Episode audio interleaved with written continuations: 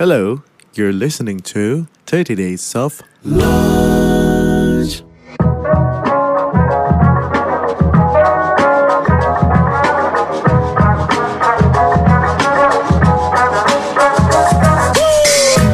How do we keep changing if we don't keep learning?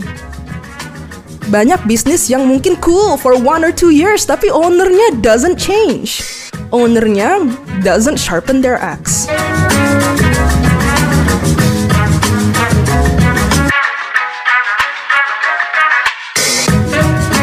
Dan this is the secret guys.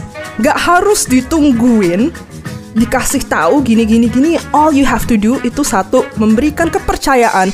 Kedua memberikan peluang. Dan ketiga memberikan dia space untuk fail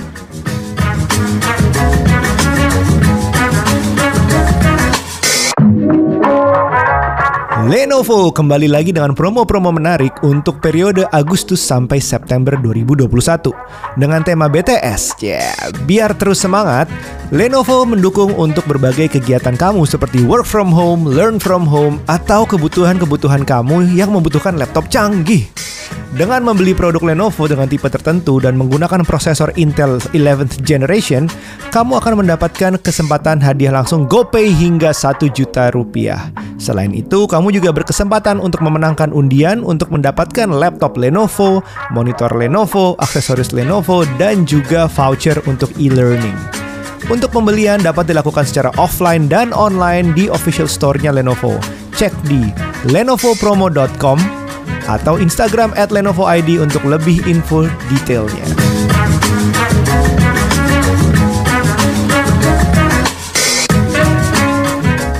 Hey, welcome back to 30 Days of Lunch. Balik lagi sama gue dan Runa. Hai Runa, apa kabar? Hai ya, how are you? Long time no Eh. see.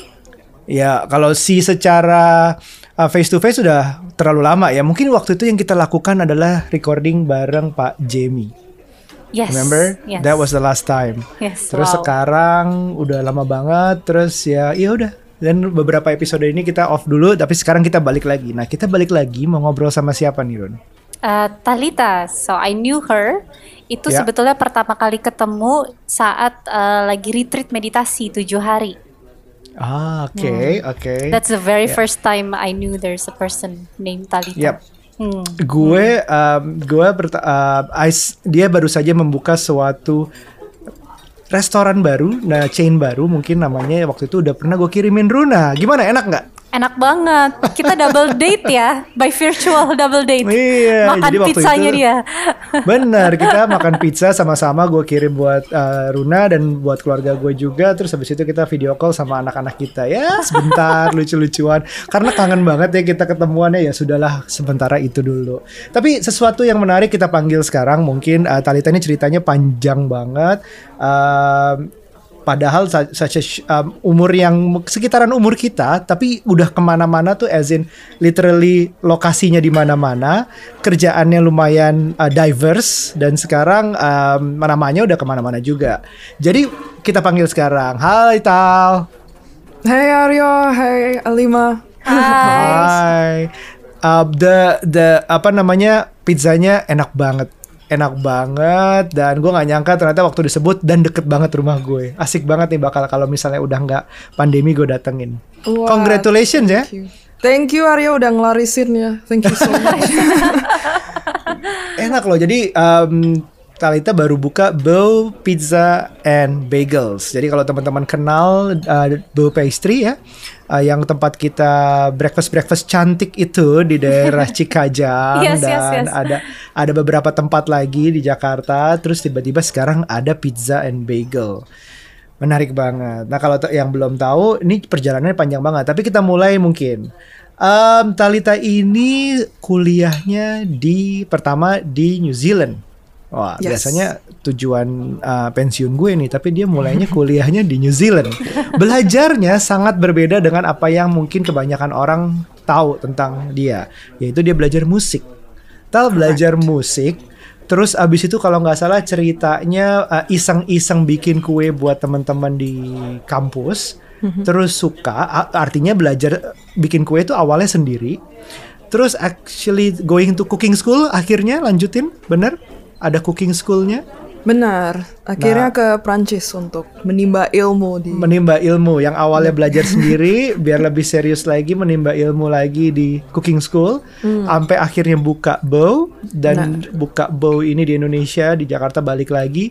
Akhirnya menjadi Forbes 30 under 30 wow.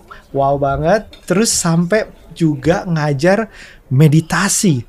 Yes. itu dari musik ke kue terus berbisnis terus jadi guru meditasi I mean these are radical changes sih Uh, itu diverse banget dari ujung satu ke ujung lainnya gimana sih kenapa itu semua terjadi bisa cerita nggak Wow. Kenapa semua itu terjadi ya? Jadi sebenarnya dulu Wario, um, you know how kebanyakan orang itu kayak berpikir panjang dan lebar ya. Gue pengen ambil jurusan apa nih? Apalagi misalnya masih teenager, lagi mau Yeah. kuliah kan, kayak Yeah. jurusan apa ya gitu. Terus mikirnya sampai panjang lebar, tanya segala uh, keluarga, kerabat, teman-teman. Enaknya gue ambil juru- jurusan apa gitu. Jadi dulu tuh aku nggak terlalu berpikir panjang. Um, really, what I feel like makes me different and why you think I go through so many different changes tuh karena I do whatever I like. whatever you like Iya, oke kepanggilnya ke mana, pengennya apa, don't think too much and just do it gitu. And Oke. usually dari sesuatu yang kita pelajari itu akan dapat pencerahan atau ide-ide lain yang akhirnya kita bisa aplikasikan ke subject matter yang lain gitu. Jadi kita akhirnya tuh punya kayak angle, attacking angle yang agak beda dengan banyak orang lainnya gitu. Wow So it's basically melihat sesuatu dari sudut pandang yang berbeda karena punya background experience yang juga diverse gitu ya. Yes, and it's allowing yourself to be wholly who you are gitu. Jadi maksudnya gue tuh sukanya apa dan not hold yourself back at all dan eksplorasi aja gitu. Soalnya kan sebenarnya dunia ini banyak sekali yang bisa dieksplorasikan dan kita hanya punya limited amount of time. Yeah. So I feel like it's so important that whatever I want to do, I give it a go. Walau doesn't matter hasilnya apa. Soalnya I know it's temporary anyway. Maybe next time I will have a different interest. Eh, menarik banget. Mungkin kalau misalnya gue eh, bandingkan dengan diri gue, cek gitu. kalau kita lihat gue SMP SMA suka musik, jadi gue ngeband.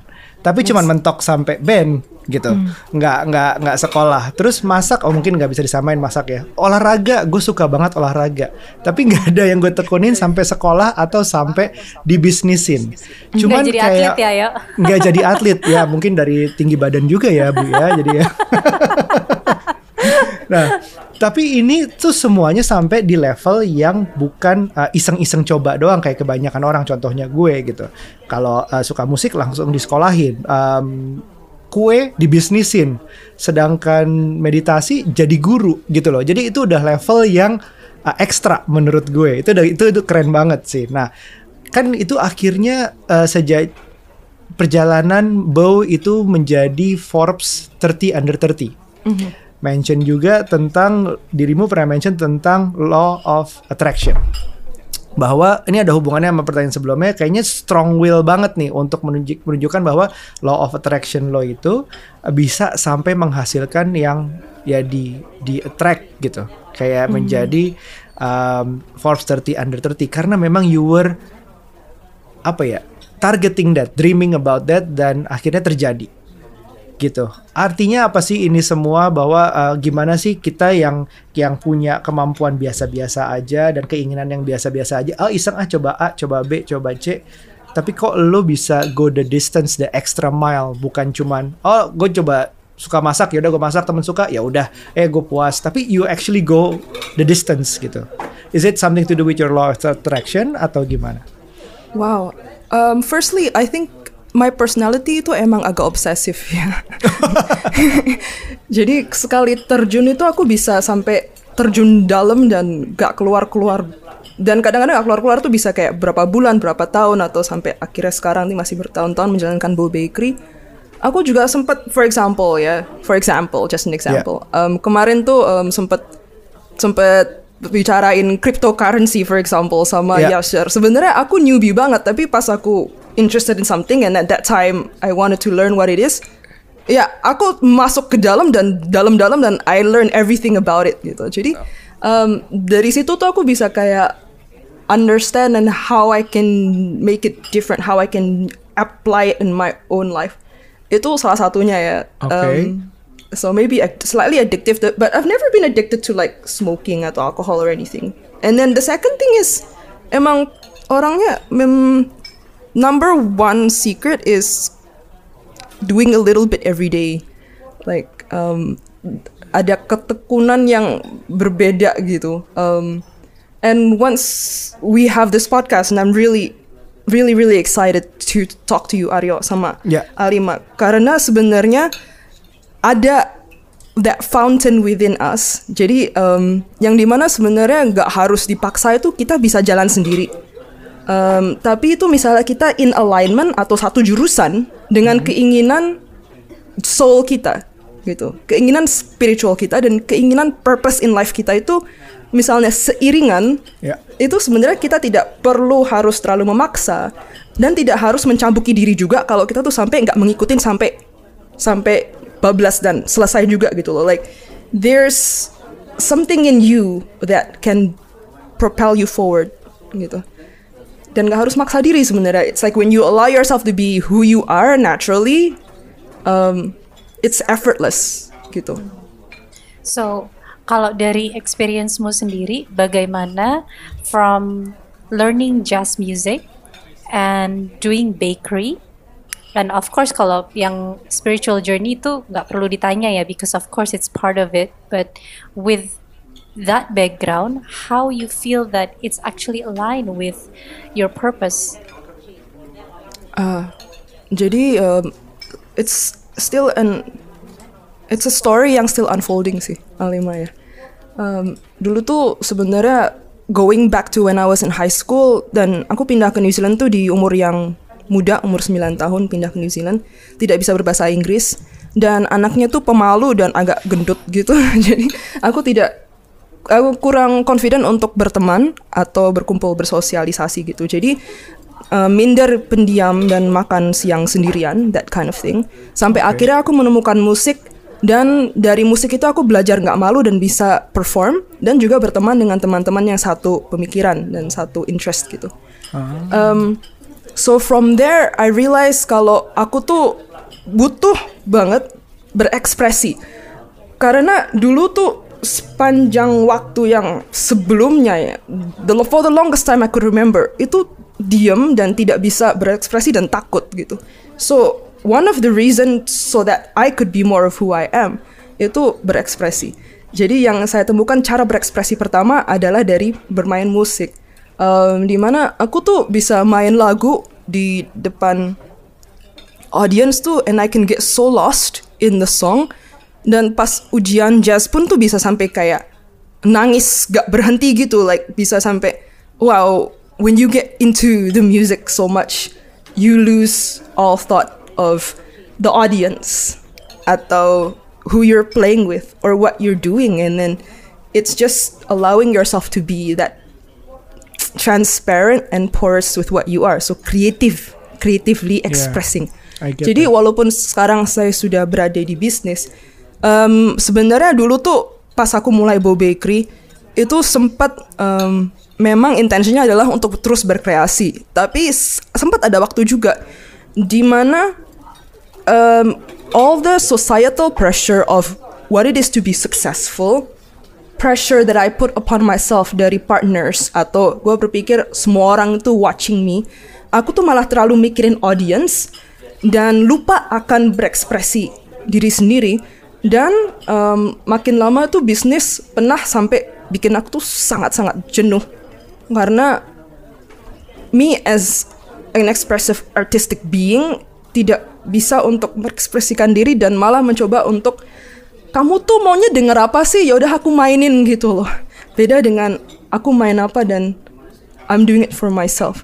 Jadi I feel like that balance between going from music and now doing business aku belajar untuk wow be aware of why am I doing what I'm doing dan sempat Bow Bakery tuh performanya tuh sempat menurun juga sebelum COVID um, karena I try to impress too many people. Tapi malah dalam wave kedua ini, di mana spike-nya waktu sa- saya buka Bu Pizza and Bagel dua minggu yang lalu itu spike-nya tuh lagi tinggi-tingginya banget 50 Iya, ribu betul. kasus per hari. Itu we just did it just for the hell of it, just for fun. I had we we expressed as much as we could in terms of the branding. Uh, we put as much of our like love and attention and fun and quirkiness. Pokoknya kita tuh maunya bikin apa, nggak pedulin orang lain. Walaupun aku tuh skeptical banget dengan konsep bagel tuh bakal laku atau nggak, nggak peduli gitu.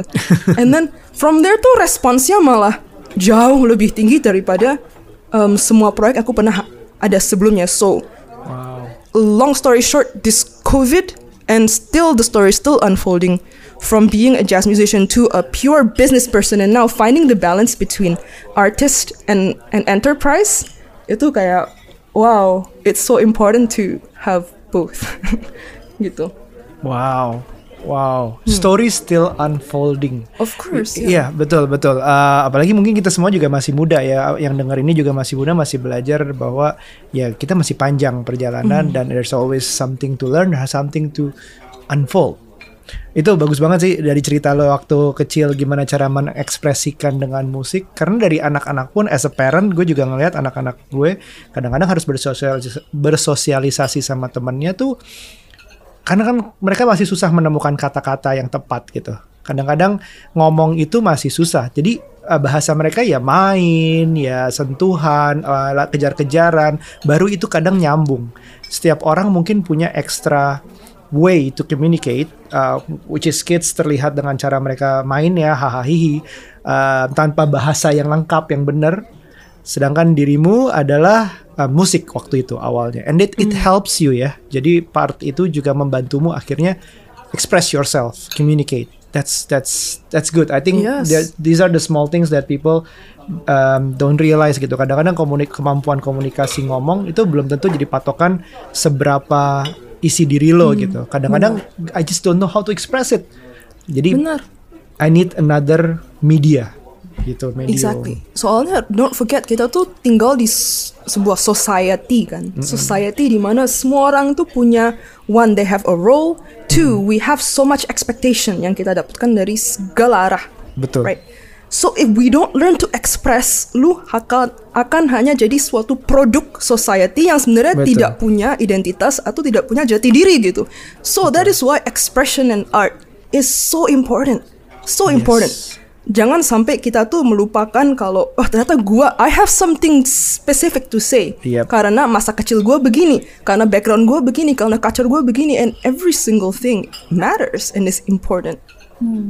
And I think what's very interesting juga yang tadi Talita bilang itu adalah selain atau sebelum kita mengekspresikan diri kita, we are allowed to explore ourselves juga ya. Karena uh, yang gue perhatikan memang kadang-kadang kita memilih satu jurusan and then ya udah hidup kita di jurusan itu. Padahal waktu kita make decision at 18 maybe we don't really know who we are at that time gitu. And Exactly. of course uh, answering expectations kita di, dituntut untuk menjadi apa gitu. So Benar, and that's societal kan. betul, Kayak betul. kamu setelah kuliah cari kerja, setelah kerja menikah, setelah ini gini. It's all Betul, societal. betul, betul. Mungkin kalau gue boleh share dikit, waktu gue mulai uh, tertarik mempelajari uh, human psyche dan sebagainya, kalimat pertama yang terlontar uh, dari salah satu kerabat gue itu adalah, terus advertisingnya dipakainya buat apa gitu. Jadi it seems like if you're not doing uh, what you study dalam empat tahun kuliah itu, um, you're kind of lost gitu. So I think what's interesting in this Talita story itu adalah it's okay to explore and even learn deep dive ya yang uh, dirimu bilang untuk sesuatu yang something completely new gitu. Nothing, it will never be a wasted time. Or you're allowing is for you to be more whole. Lebih lengkap lagi, lebih penuh lagi. And sekarang pun aku udah nggak ngajar meditasi lagi Aryo and Alema. Don't know if you don't. You iya know, iya. I I've already heard. quit. I actually heard from Aryo. Ya ya ya. Tapi segalanya yang ku pelajari like how to maintain energy, how to maintain a sense of being. Itu semuanya kan masih kita terus pakai dan sekarang pun punya podcast sendiri. I know how to ya how to communicate and hold the energy and all this stuff like kepake lah semuanya selalu. Of course, of course. Alright, um, le- let's talk about uh, bow. Jadi um, kalau misalnya bow, bow itu artinya beautiful ya in in French ya, if I'm not Yes. wrong. Uh, jadi you started with trying to bikin kue buat teman-teman, terus akhirnya pada suka. Oh ternyata bagus diseriusin dan lo suka juga prosesnya. Akhirnya lanjut sekolah dan pulang ke Jakarta dengan bikin bow yang sekarang udah berapa? Empat ya? Tiga, empat empat outlet ter eh kalau nggak salah dan termasuk ada yang barunya lagi adalah Bow Pizza and Bagel. Yes. Eh, tujuannya apa? Apa karena sesederhana gue bikin kue suka, ternyata orang lain juga suka, bisnisin yuk. Atau eh, ada lagi di balik Bow ke depannya ma- eh apa alasannya kenapa berada? I just wanna know to figure out uh, such a strong will person, um, ambitious about cooking at that time, uh, terus dia jadikan bisnis. Alasan berbisnis itu apa? Alasan mulai bisnis sebenarnya dulu and Aryo maybe you can relate dulu kan pernah ngeband right? Iya. And when you have a band, kita tuh punya outlet atau platform kan untuk nulis lagu, Oke. untuk manggung. Hmm. Sebenarnya starting a business for me itu adalah outlet untuk bikin resep Oh. dan untuk kayak um, communicate what I feel is fun and cool to do with lokasi, um, interior design, branding, marketing. I have so many perspective and so many point of view yang dari bikin bisnis kuliner itu bisa tersampaikan dan it it it satisfies that part of me. Um, jadi sebenarnya kalau kita nggak punya band, kita tuh jadi nggak ada yang memacu untuk terus berkreasi kan. Ya. Kayak mau bikin pun kayak mau jual di mana tuh gimana dan nggak ada pressure. I I really believe that a good amount of pressure is so necessary. Apalagi kalau you tuh art, ya. kalau you artis banget, seriously nggak bakal terlalu produktif unless you have some pressure. Ya, a good artist have to sell his art juga kan. Hmm. Jadi kalau misalnya untuk sustain terus terus menggambar, terus men- Benar. bernyanyi, terus Benar. berkarya, ya there's always a way that you have to produce juga untuk untuk Hmm. ya kalau apa ya maksudnya nggak bisa terlalu um, nggak tahu. You're the artist here. The the line between being um, idealistic about your art or what people wants. Gitu loh. Ya eh, misalnya nih menurut gue ini gue em, kue gue enak gitu. Tapi gue juga harus mikirin orang lain tuh sukanya seperti apa. Dari sisi pandang seorang artist Uh, again, uh, this may be a boring answer, but it's a balance. Kita nggak bisa terlalu one side and nggak bisa terlalu the other. Oke. um, but then there's a way that to do it that we are tergantung intentionnya ya. Intentionnya itu apa? Jadi misalnya um, intention kita itu adalah aku membuat kue ini karena semua orang suka dan aku nggak pede dengan kreasinya aku sendiri. Uh, aku hanya bikin ini untuk bikin a quick buck, for example. Itu energi yang tersampaikan ke customer kita akan yang sama. S- um, we are all energetical being gitu. Jadi mereka tuh subconsciously will realize ini kok kuenya kayak tempat yang lain ya. Kenapa sih? Kenapa? Anyway, gak gak bisa semuanya itu subconscious and you bisa ngerasain gitu. Tapi if you make something, oke okay, intentionnya adalah uh, I I will make this cake because I think I'm really really into the flavor of ginger flower lately. And gua ngeliat kayak model cheesecake seperti ini juga lagi disukai banyak orang, jadi banyak orang bisa mendapatkan um, rasa joyful atau happiness from eating this cake. Dan I also get to inject what I think is different. Itu hasilnya beda. The product will shine in a different way. And I hope I can talk about this without sounding terlalu esoteric ya kan. But intention matters.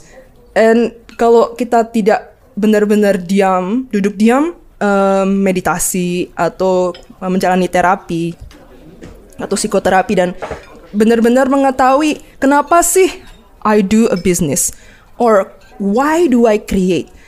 Apakah karena aku merasa kurang pede dan ingin diterima um, atau aku merasa kurang sukses dan ingin dilihat orang sebagai orang sukses because that's what happened to me atau aku berkreasi karena pengen aja karena who knows what will happen because I create from a place of um, security in and then and also trust that people will understand what I'm trying to say. Itu hasilnya akan beda. I apa namanya aku inget banget in in one of your sharing session kalau misalnya I can um, tell it in this podcast adalah yang menarik yo uh, dari ceritanya Talita waktu di tengah sharing uh, saat meditasi ya. Itu adalah she told the story about bagaimana waktu itu you would like to innovate a new kind of uh, bakery or pastry. Itu uh, am I remember it right?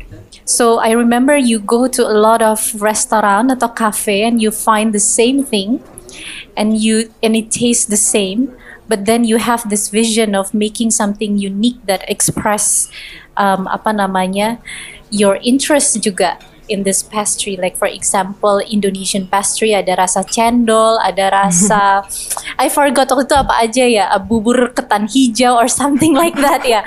Pokoknya you you kind of innovate something that you're curious about. And um, in that time I feel that this is very interesting because uh, apa namanya somebody really take the leap to innovate something new. And um, I think itu sesuatu yang some people actually afraid because takut nggak diterima gitu ya.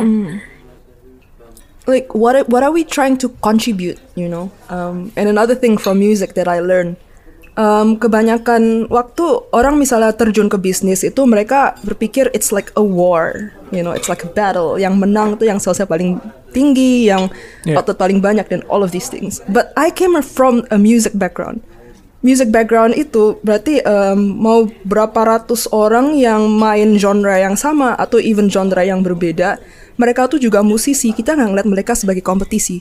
What what we call them itu adalah contemporary. Contemporary. Ini adalah orang yang sambil berkreasi dengan aku. Dan misalnya mau denger lagu Aryo ya silahkan ke Aryo. Misalnya mau denger lagu aku silahkan ke aku. Like literally we are all the industry together and we all give different perspective gitu. So that's why in starting a business I always think about kayak apa sih what do I have to say? How can I contribute to the whole the industry? Apa sih yang angle yang mungkin belum di discover atau dieksplorasi secara, secara penuh that me as Talita with my own experiences and my own point of view tuh bisa berkontribusi and if you see it like that then there's a lot of pressure. Soalnya I don't try to be my competitors well competitors dalam tanda kutip ya. Um, because I'm not worried about that at all. I just worry about what I have to say. Mm. Hmm. So it's a silly question. So when you start a business atau misalnya ada yearly review, do you do mm-hmm. competitive review? Because ya apa namanya mindsetnya kan we're not competitors but we're one Biasanya kayak gitu ya. collaborative things gitu di mana kan in, in in companies itu udah hal yang biasa doing competitive review Ada market share-nya gitu yes ya. yes Yeah. Well, there, there is a book by um by Simon Sinek namanya The Infinite Game. Di mana if, if we have a more infinite mindset, we see the opportunity that comes from innovating, that comes from having a different angle and therefore you creating more markets. I never believe kalau market itu adalah sebuah pie chart yang harus dibagi-bagi dan misalnya kita menambahkan sales berarti nanti um, toko B akan turun salesnya. No, misalnya kita ada angle di mana kita beredukasi dan membuat inovasi dan membuat something terobosan yang baru, for example, actually the market share will only expand. If you look at it like Indonesia as a country, uh, kita GDP-nya 1 tril triliun USD dibanding dengan Amerika yang GDP-nya sudah 20 triliun USD. We are still so small dan untuk potensi untuk berkembangnya itu masih astronomical, masih besar banget. Di Jakarta ada 10 juta orang misalnya, siang lebih banyak orang lagi like it's still so big and you're gonna worry about toko sebelah, tetangga sebelah. No, kita harus ngeliat, oke, generasi berikutnya bisa bisa akan seperti apa gitu loh. Bo Bakery masih bisa relevan atau enggak ya gitu. Um, that that's more of an empowering way to think daripada terlalu menganalisa bagian-bagian dari market. Walaupun memang mungkin eh, beberapa investor merasa penting and of course we need to tahu diri juga di mana kita berada di market dan industri kita, tapi I don't believe aku mau terlalu memenuhi kepala aku dengan pikiran-pikiran itu sih. Hey guys, kalian nih di pandemi ini tambah gemuk gak sih? Karena gue agak sedikit naik beratnya, nggak bisa olahraga lengkap, terus juga makannya mengemil makin parah karena ya lo nggak nggak bisa buka pintu rumah, yang dibuka pintu kulkas mulu. Akibatnya berat badan naik, diabetes juga mungkin sedikit harus jaga-jaga. Nah, cara salah satunya untuk beresin ini dengan tapi tetap ngemil adalah lo cobain deh Tropicana Slim Hokkaido Cheese Cookies itu rasa kejunya khas Hokkaido hanya 100 kalori di setiap sasetnya. Ini cocok banget untuk kita yang masih suka ngemil tapi mau jaga berat badan, diabetes dan diet kita. Ya, oke cocok banget deh lo bisa beli di Indomaret, bisa Alfamidi atau juga pesen online. Yuk. So I'm just curious, what is your big vision uh, with Boo? Boo, bener nggak ngomongnya? Bow Bakery. Bo with Bo. Oh, what is your? Uh, I know that pasti you have this big why of why you want to go go all the way dengan your business. So so what is your your vision? Okay, so the vision is um, going back to masa kecil ya. When we're talking about what is your big why, you should think of, about it from your perspective. Dulu aku pernah ngajarin mengenai sukses and purpose dulu di Golden Space gitu ya. Jadi kita tuh masing-masing adalah protagonis dari um, movie kita sendiri. Aryo, you're a protagonist in your movie. Alema, you're a protagonist in your movie. And I'm a protagonist in the movie. Dan kehidupan kita actually itu mirip se- seperti sebuah movie juga. Karena selalu ada tangent, di mana the hero bakal ada katalis mungkin dari their previous experience di mana mereka tiba-tiba punya kayak pencerahan yang baru, pemikiran yang baru dan akhirnya mengambil action dari dari poin katalitik itu. Gitu kan. Jadi, misalnya nih aku ngeliat ke masa kecil aku di mana kita menanyakan for example through meditation atau um, uh, uh, apa namanya inner child therapy apa sih your biggest most painful hurt?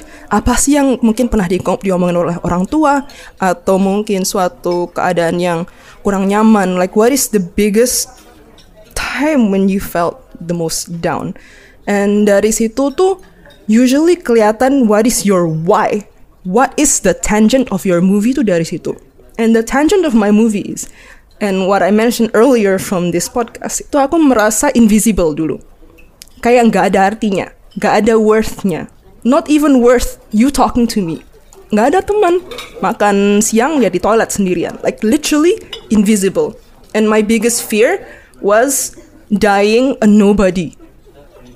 So therefore, reaksinya adalah membuat bisnis dan ingin kayak besar, ingin sukses, ingin punya nama. Semua itu datang dari insecurity itu. Tapi setelah kita buka awareness, ya meditasi, melakukan inner work, kita tahu kalau a lot of these things that I did came from that pain. Di mana waktu kita bisa healing the pain, intentionnya berubah menjadi ingin menguplift others yang mungkin dulu punya rasa seperti aku ini. Mungkin karena mereka tidak punya opportunity, um, mungkin dia dalam situasi ekonomi atau kurang dipercaya oleh keluarga teman-teman that they can be something more than they are that is my why gitu. Jadi dari Bo Bakery ini um, my vision is always to uplift and upskill uh, Indonesian SDM um, tenaga-tenaga kerja di Indonesia sehingga mereka bisa membuat pro, um, produce yang products ya yang selevel internasional dengan menggunakan skillnya mereka just as they are enough ya diberi opportunity yang enough memakai ingredient yang kita dengan gampang temukan di tanah air dan akhirnya mereka tuh bisa menjadi seseorang yang di yang yang merasa menjadi orang yang berguna dan bisa berkontribusi juga so from there is my why Uplift others. Wow. Yeah. exactly Okay. you So- wanna continue? Sorry. uh well Yeah, that's please. that's it so that that's my why why I started the bakery Karena um, it's it's like you reading my question list or I'm such a good researcher. Karena uplifting others itu I heard a story about your apa ya uh, your team one of your team yang dari uh, mungkin admin staff atau office staff turns to be a pastry chef. Bener nggak ada cerita itu Uh, dan uh, or correct me if I'm wrong silakan dengan detailnya ceritanya seperti apa. So you build someone or more than one probably.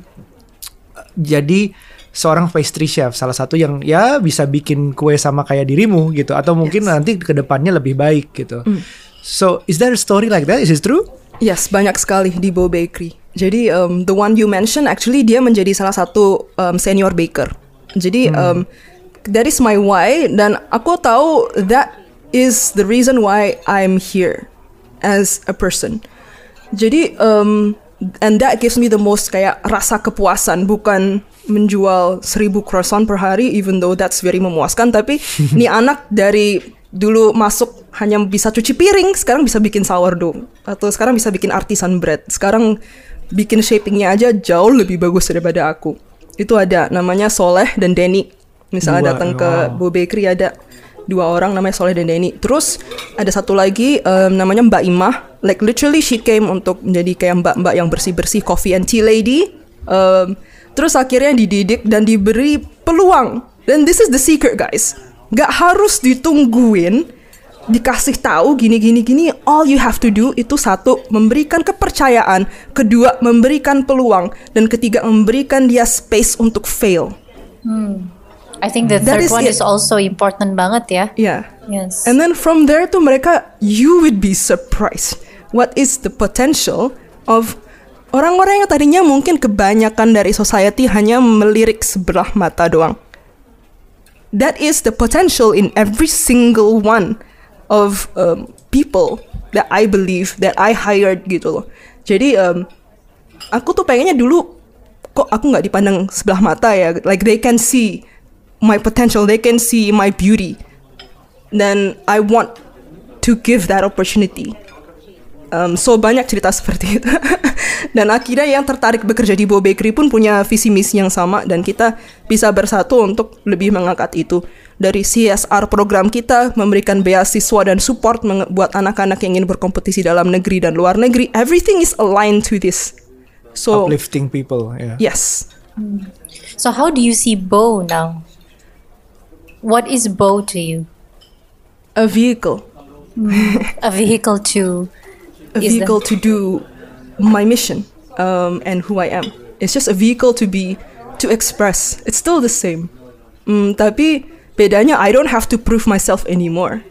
Aku nggak terkejar oleh kayak harus buka 100 outlets. Jadi whatever whatever you know. It's my my main focus is how aligned is this business with who I am. Karena guys, we only live once. Who are we gonna live it for? Our audience? Or are we gonna live it for ourselves? And usually when you live it for yourself, audience will notice. So that's the paradox. Tapi misalnya kita terlalu kayak try to please others, mereka jadi mikir kayak ah ini apa gitu.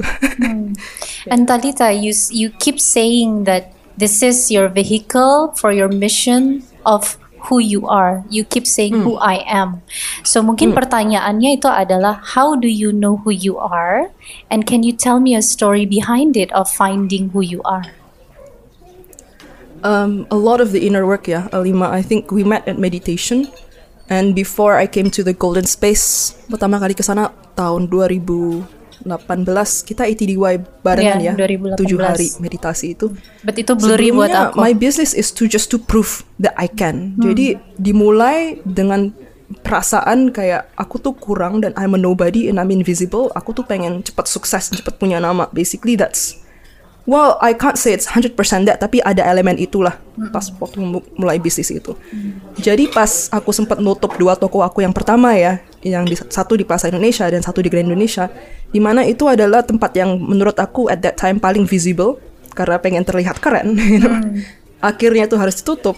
Itu sakit hatinya dan my self worth itu got attacked so much by my ego. Gitu. Oh, so pertama tuh Plaza Indonesia ya, Yes. bukan yang di Cikajang. Oh, oke oke. Gue bahkan ngerasainnya pertama tuh di Grand Indonesia di tengah-tengah atrium gitu ya. Um, jadi gue ngerasain ini apa nih baru sekarang oh kuenya enak tapi kok feelnya uh, beda sama yang gue rasakan di Cikajang. Ya. Feelnya beda banget. Yang satu tuh ya it's like a, apa ya pastry yang kita di mall oke mau berhenti beli gitu sambil nunggu istri bela it's okay sambil nunggu istri belanja atau apa gitu-gitu it doesn't feel like there's a soul in this Nah. um, bakery. If I'm uh, if if you don't mind me saying ya. Please. Tapi kalau di- kalau di Cikajang, gue tuh ngejar untuk ke sana. Ini sebelum pandemi tentunya. Um, gue ngejar kayak abis nge-gym, abis apa, eh, breakfast diniat-niatin ke Bow. Because just meeting di arah-arahin ke Bow gitu. Nggak tahu antara gue pengen terlihat keren, gue tahu Bow. Atau tapi kayak emang gue nyaman aja. Gue pernah kayak kerja di situ, bawa laptop di yang meja bar lo, eh, apa yang kayak standing um, looking over the window sendiri aja. Kadang-kadang berdiri, kadang-kadang di bar stoolnya. It's just feel apa ya homey gitu beda banget sama yang mungkin entah itu karena mall atau satu karena uh, own outlet tapi soulnya beda banget memang Nah, itu. Dulu tuh yang outlet aku pertama, itu aku nggak punya kepercayaan diri atas kemampuan dan taste dari diri aku sendiri. Jadi aku takut mengekspresikan um, what I think is good and what I think should be successful and cool. Dulu tuh lebih percaya oleh partner yang aku lihat dan pandang dan put in a pedestals um, sebagai seorang yang lebih tahu oke. Um, aku mengecilkan diri sendiri dan akhirnya ya udah deh ikut deh ya ya udah nih walaupun iya, bukan iya. gini ya udah deh ikut. And then it's just not not correct. Dan akhirnya nggak efektif. Hmm.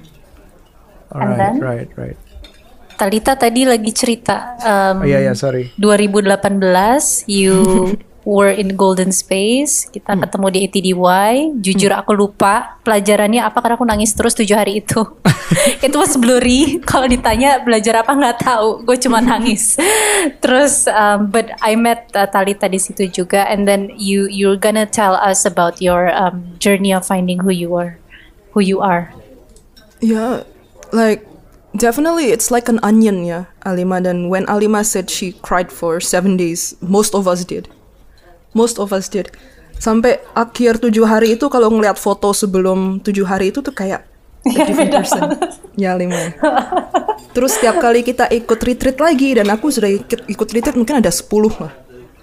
Ikut ikut ikut ikut. Pokoknya nggak mikir ikut ikut ikut. Dan from every single time itu I achieve a new understanding with myself. Who am I actually? Soalnya kebanyakan waktu tuh who we are is actually a defense mechanism what we think as who we are ya and how we express ourselves in the world. Itu usually adalah defense mechanism dari um, segalanya yang kita berpikir will hurt our perspective of and our self worth of who we are. Jadi semuanya tuh reaksi. It's just a reaction to what we experience. But it's rarely is it an action of expression. Jadi uh, mungkin mulai bisnis karena dibilang orang nggak bisa, for example, it's a reaction. Tapi misalnya kita mulai bisnis karena kita hanya mm, dan ingin bikin suatu karena terpanggil atau terpi, terpacu atau ingin atau because there's something literally dying to be expressed from uh, inside of you. Itu beda sekali gitu. Dan um, the time is changing that we're starting to support businesses that align with who we are and what we feel like um, supports the country ecosystem or the economy in a good positive way gitu. So and so the process of finding who I am again it's still unfolding dan aku terus melakukan um, terapi dan coaching untuk to sharpen my axe. Jadi aku nggak mikirin hanya clock in clock out tiap hari 8 jam gini gini gini enggak I take in the time biar I'm a better person every day I'm a better leader every day and I'm more aligned with who I am every day dan bisnisnya itu bisa tergiring ke arah yang sustainable dan relevan untuk masa depan kita. How do we keep changing if we don't keep learning? Banyak bisnis yang mungkin cool for one or two years tapi ownernya doesn't change. Ownernya doesn't sharpen their axe, ya kan? Um, the visionary doesn't change or improve atau punya ide baru atau pencerahan baru or anything lama-lama ya dikalahkan oleh pemikir new thinkers, new thought leaders, new ideas. Jadi paling penting sebagai seorang CEO atau visionary to a company ya we need to change. Jangan sampai mikir tuh kita udah cukup, udah oke, udah merasa pintar. No, we're n- long lifelong student. So I'm still discovering, but it's it's it's fun. Soalnya aku udah punya vehicle itu untuk langsung apply what I learn. Eh, eh, eh, ini kalau teman-teman yang uh, mungkin belum sempat kenal uh, Talita, uh, mungkin sudah kenal dari produknya, which is kalau gua aja ngerasa feel yang berbeda dari bau di Grand Indonesia ke um, Cikajang contohnya. Gue belum ke yang Panglima Polim, sorry, Uh, tapi dua itu udah ngerasa bedanya. Terus tiba-tiba sekarang ada bau pizza and bagel, yang feelnya sebenarnya agak beda juga. Karena menurut gue juga gue ngelihat Talita juga lagi ada um, going through uh, always changing gitu dalam hal in a good way kayak sekarang punya uh, Tabu Tuesday. Yeah. Uh, it's a it's a it's an Instagram account. It's a bisa dilihat di Instagram, bisa dilihat di podcast. Sekarang bikin podcast juga berempat ya kalau nggak salah ya sama sama your other three girlfriends ada teman-teman perempuan juga salah satunya Andrea juga Andrea Catwomanizer kayak menemukan correct me if I'm wrong uh, silakan uh, menemukan medium baru untuk belajar dan berekspresi gitu Benar. terutama tentang um, wanita, Yes. tentang perempuan dan segala macamnya. Um, anything you talk about, oh, pokoknya hal-hal baru tentang ha- bukan hal-hal baru ya, hal-hal yang nggak kebanyakan perempuan omongkan gitu. Berani lebih ngomong berekspresi. Is, what's what's going on with Tabu Tuesday? Again, everything I do is out of curiosity dan wanting to learn kan. Jadi Yeah. sebenarnya dulu tuh pas Clubhouse lagi hot-hotnya ya bulan Yeah, yeah, Februari yeah, tahun 2021 sempat mengundang Cat Womanizer atau Andrea untuk eh yuk dong um, buka room sama aku kita bicarakan suatu hal yang kontroversial. Dia bilang oke sure. Kalau dia aku bilang oke aku ajak Cat dan Cat Halim dan Gita Syahrir juga gitu. Terus em, kita mulai itu dan aku sebenarnya I've been so afraid. Ternyata masih ada trauma masa kecil ya. So afraid to speak my mind. Dan if you look at my Instagram ya, I'm sorry to say this, I'm not the best in Instagram. Tapi itu aku nggak gitu sharing macem-macem. Paling ya posting foto, caption dikit. Tapi nggak pernah sharing macem-macem karena aku takut sebenarnya, takut dijudge, hmm, takut salah ngomong atau Well, a lot of fear. Tapi terus ngeliat Instagram akunnya Andrea, dia ngomong tentang masturbasi lah, main seks, apa ngomong tentang sex toys. Dia lagi pakai, uh, rame hari ini ngomong uh, nggak punya anak, child Yeah, free. like, to me I'm like lu kok bisa ya I need to learn from you deh just let, let me just pick your mind dan and I, because we are the sum of the total of the peop, five people around us kan jadi Yeah. actually we have the freedom untuk pilih gitu. Jadi akhirnya ya udah tarik. Jadi just so I can learn from every single one of these girls yang I really love and respect.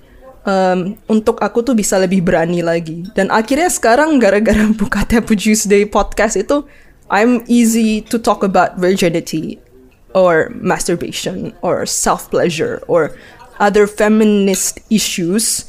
And then even anak buah aku di di di toko pernah sampai kaget, hah ibu tahu kenapa posting tentang kondom what the hell gitu. Oh hmm. that's true but it's it's actually I do it for myself biar aku belajar nggak takut aja sih ya Uh, so ya salah satunya juga yang mau gue tanyain adalah ya waktu itu gue ada tahapnya di mana uh, I don't share that much juga sih di saat running a company yang a very conventional one uh, ag- um, agen penjualan suatu airline masih day to day. Ma concernnya adalah pegawai memang utamanya selain selain orang tua mungkin saat itu. Plus pegawai gitu. Kalau gue ngomong ini mereka mikir apa ya? Mereka pada following gue nih di di sosial media. Harusnya kan gue jadi contoh. Harusnya kan gue yang yang relate aja sama kantor yang berhubungan sama bisnis Uh, how does that change? Kayak karena lo juga sekarang uh, you dye your hair, you talk about masturbation, you talk about those things. That is there a worry will it affect your business? Atau mungkin sekarang investors lah mungkin. no no um, Not definitely not and if, if you look at it the the biggest business people they're always crazy look at Richard Branson yes, that's true. ya ya ya. Ada yang baru jalan-jalan ke apa ke bulan ya. yeah yes. Jadi, like why are we trying to fit in when we're trying to be when we're trying to achieve more or be more different so like right now emang you're right I did dye my hair setelah bertahun-tahun takut dan berpikir akhirnya I did it and I love it you know tapi um, it's it's part of my process untuk belajar lebih berani aja. And I know that it will eventually have a positive effect in the business dan untuk menjadi seorang role model, um, I want to be the role model di mana anak buah bisa ngeliat, oh ya aku juga bisa berekspresi kok, aku juga bisa lebih communicate who I am tanpa rasa takut. Um, Yeah. And I think that's something that is good as well. I, I think it's good as in, in, in leadership bahwa uh, gue sebagai karyawan, misalnya gue sebagai karyawan yang Talita, um, gue kadang-kadang zaman dulu kan inspire to be my boss gitu. Oh, gue mau jadi bos gue, gue mau gue mau sukses, gue mau hebat kayak dia segala macam. Tapi what you're trying to say adalah gue ternyata nggak harus jadi dia, tapi gue jadi diri gue yang lebih baik. Kayak dia jadi diri dia yang se-ekspresif itu sebaik itu menurut versinya dia. Gue nggak harus jadi dia, gue nggak harus jadi bos gue, tapi gue gue terinspire dengan harapan untuk jadi diri gue yang lebih baik. I think that's good. I think that's good. Wah, thank you for saying that. That gives me the chills. Saya semoga. ya semoga mereka dapet ya besoknya. Taunya besok-besok pada dye your hair semua di kantor gitu. Which is fine also. Ya ya ya ya ya. I mean I mean uh, fine of course tapi um, message-nya adalah you you can be yourself. It's okay as long as ya masih ethics, masih segala macam, masih in- within the law segala macam lah. Tapi you can find yourself. I think that's good. That's that's the that's the new way kind of leadership sih menurut gue. yeah, and and don't worry about oh nanti nggak ada investor or anything. Misalnya nih guys, investor dan partner itu sebenarnya kayak cari jodoh kan. Misalnya kita pengen cari jodoh, terus we try to be this amazing, perfect woman and gini gini gini. Like actually, is it coming from insecurity? Dan akhirnya orang yang, if you talking about law of attraction, orang yang akhirnya akan datang dan menjadi partner kita tuh, apakah orang yang mungkin lebih misogynistic atau mungkin lebih sexist atau gimana dan punya ekspektasi yang lebih, um, dan akhirnya relationshipnya tuh kita merasa kecil dan kita merasa um, kayak not enough kan. So sama aja, like running a business, um, the more that you are who you are, the right people who are more aligned to you, in your truest sense and the truest being of you, itu bakal datang dan mah malah dynamicnya itu lebih healthy. So I So- have So your investor atau partner dulu yang di zaman dulu banget when before you realize things sama yang sekarang are they changing at ah, maksudnya berubah atau tetap sama tapi they change with you? Actually, one thing to another, um, the more that we shift, the more that we change, the more things also change. Dan uh, my old investor sudah keluar completely. Um, Yang tahun 2019 aku close round series A dan itu investornya a specific fund that invest in women leaders. So it's like a gender lens investment. And from now, even after this podcast, nanti akan uh, I'm gonna talk to them about okay inisiatif-inisiatif apa sih yang dilakukan di perusahaan aku biar women have equal pay, equal Wow. opportunities. Um, nanti kita juga transparan mengenai um, ya how we attract these women to work with us in my company. 80% dari manajemen semuanya perempuan. Um, dan in the whole company itu kira-kira 40% is perempuan. Jadi I want more equality and akhirnya these kind of people get attracted to me dan aku pun bisa bisa menjadi ambasador mereka dan bisa talk about this to more and more female business owners. So akhirnya lebih align. So it's all good. Iya ya kayak nyari jodoh tadi ya. Akhirnya investor yang sekarang lebih cocok gitu ya. yeah. Uh, yeah, yeah, the values and everything. Wow. Right, right. I, I, I think we learn quite quite a lot now in terms of uh, leadership. Hari ini kita belajar um, leadership is through uplifting your people, bukan cuma being the best of you, you, the best version of yourself, tapi uplifting people dari cerita-ceritanya tentang timnya yang berkembang dari A ke B, dari bawah ke atas tuh banyak banget. Uh, ada beberapa cerita juga leadership tentang expressing diri sendiri bahwa nggak harus kayak ngikutin bosnya tapi um, ambil yang bosnya lakukan dari segi expressing yourself. I mean you can be a better version kayak dari dari tukang bersih bersih akhirnya ternyata bisa jadi baker itu segala macam itu I think it's good. I think it's it's it's we can learn some of good examples here. Jadi um, wha- um, another question mungkin um, ini kan terakhir dari gue ya. Gue tuh mimpinya adalah um, pensiun di New Zealand. mungkin mungkin punya permaculture uh, apa uh, punya kebun dikit semua producing sendiri ya walaupun gue belum bisa apa-apa sekarang uh, cuman ngebayanginnya itu aja gitu. Mungkin law of attraction will get me there. I don't know, we'll Yes, see. Masih masih panjang. Tapi um, tentang Bow ini what is what do you see uh, the end game for you and Bow gitu. Apakah tadi sempat bilang sama apakah ending up in opening a branch in New Zealand and taking care of a branch there who knows atau is there something else? You you you started from New Zealand di mana tempat gue pengen berakhir and do you want to go back there as a as what? What's your end game? Wah, it's funny that you brought up New Zealand. so, I'm a fan. like, yeah, I grew up there. And Yeah, yeah, you itu- told me. Kita ke supermarket itu makanannya pilihannya itu banyak banget. For example, Uh-huh. the a bread aisle itu bisa kayak puluhan merek roti. Like the food and beverage industry over there is much more developed. Ya. Di mana kayak kita lebih mementingkan kesehatan dan juga mengetahui tentang rasa dan teknik dan lain-lain. Ya. Di Indonesia ini kita tahu ada satu brand roti yang sangat merajalela kan. Yang pretty much they have 90 something percent of the market share di sini. Alright. Um, basically, if if we could disrupt that a little bit, that that is where eventually I want Bo to go towards FMCG. I see. Uh, lebih um, lebih untuk lebih mass. Let, let me line up for your IPO nanti ya. terus terus what about you? Your end game? Wow, my end game. I don't know, just wild, go wild and think about your end game now. Ada nggak tuh? Uh, enggak sih. I don't really think Oh, okay. that far. But I know that I want my life to be one expressive, two free. That aku tuh orang paling nggak bisa punya rutin. Okay. Dan aku makan tiap hari pun jamnya beda-beda. Like literally no routine. I just want to be as free as I want, and I want to travel the world. And if I can create a business that allows me to be who I am, yaitu free and travel the world, and maybe yeah, God willing, have multiple properties that I can just visit anywhere that I want.